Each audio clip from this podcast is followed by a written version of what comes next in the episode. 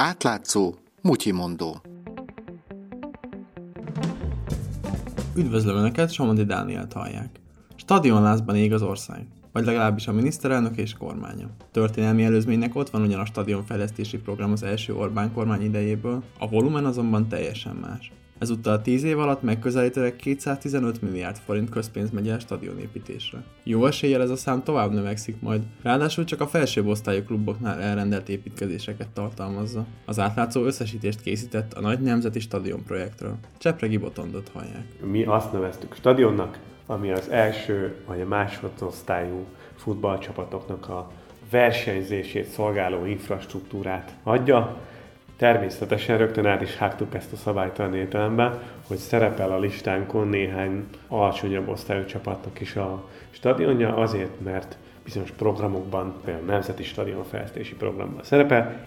Ha azt mondanánk, hogy minden stadionnal akarunk nézni, hogy akkor, akkor a nyugdíjba vonulásom kellene körülbelül ezzel foglalkozni. Kezdjük rögtön az elején, felcsúton. Hát igen, az szimbolikus, hogy a miniszterelnöki kertvégben épült fel az első ilyen létesítmény, ami el is készült, kaptak 2,7 milliárd forint TAO forrást, és az alapítvány pedig még hozzátett az alapítvány az érkezett támogatásokból forrásokat, ez a, ez a mondás. Most ugye ne firtassuk, hogy, hogy az az alapítvány hogy működik, vagy hogy az úgy piaci viszonyok között értelmezhető ez a dolog, mert ez, ez, ez egy veszett fejszönye lesz. A társasági adó, azaz a TAO rendszer lényege, hogy a vállalkozások levonhatják azt az összeget, amivel a kiemelt látványsportágokat támogatják.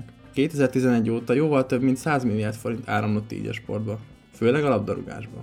Szerintem azt érdemes megjegyezni az egész stadionos divat kapcsolatban, itt is vannak egyenlőbbek az egyenlők között. Elvileg van egy ilyen nagyívű program, hogy Nemzeti Stadionfejlesztési Program, de ahol van valami motiváció, vagy plusz érdek, vagy plusz fideszes erős ember, az kiemelődik ebből a masszából, és egyes kormányhatározatokon keresztül, egyes intézkedéseken keresztül finanszírozódik a beruházás. Elég hosszú a lista sorolja tovább Csepregi Botond. Nem sorolnám fel az összeset, de mondjuk Debrecen, Ferencváros, ez még megelőzte a, a stadion fejlesztési programnak a létrejöttét, de kivették ebből a Dács Tamás félvezette MTK-nak a stadion építését, a haladásé Szombathelyen, Garancsi István tulajdonot a Videóton stadionja Székesfehérváron, szintén a stadionfejlesztési programon kívül finanszírozódik. Stadionépítésre érkezik pénz az államtól,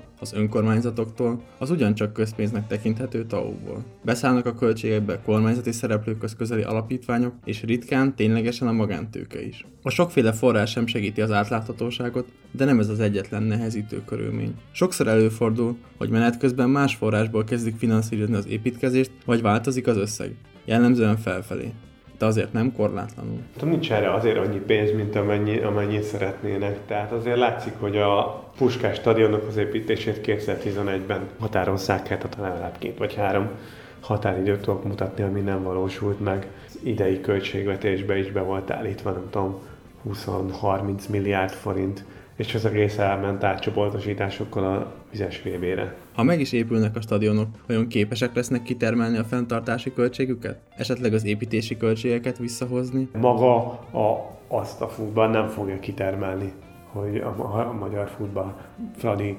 pályának a 20 milliárd forintos teljes bekerülését, azt, azt valaha is visszahozza. A fenntartás sem. Tehát lehet, hogy például a Fradi pálya esetében mondjuk a fenntartást üzemeltetést meg lehet oldani, de ahhoz ugye azt kellett, hogy más funkciók is legyenek a, a, az épületben. Csepregi Botondot az átlátszó újságíróját hallották. A Ferencváros a helyszíni nézőszámokat tekintve pozitív kivétel a magyar mezőnyben. A szintén első közös stadionhoz jutó Debrecenben egy önkormányzati és egyetemi tulajdonú cég a fenntartó. Más, piaci szereplő ugyanis nem mutatott érdeklődést. A mai mutyi mondott Somodi Dániel készítette, közreműködött Mongatilla és Lémarietta. És végül egy kérés. Az átlátszó olyan témákat dolgoz fel, amelyeket mások elhanyagolnak. Olyan ügyeket tár föl, amelyek sokaknak kényelmetlenek. Olyan hatalmasságoktól perel ki dokumentumokat, akikkel más nem akar újat húzni. Nincsenek mögötte oligarchák, nem reklámokból él, és nem lehet megvenni. Támogass bennünket legalább havi ezer forinttal. Részletek az átlátszó weboldalán.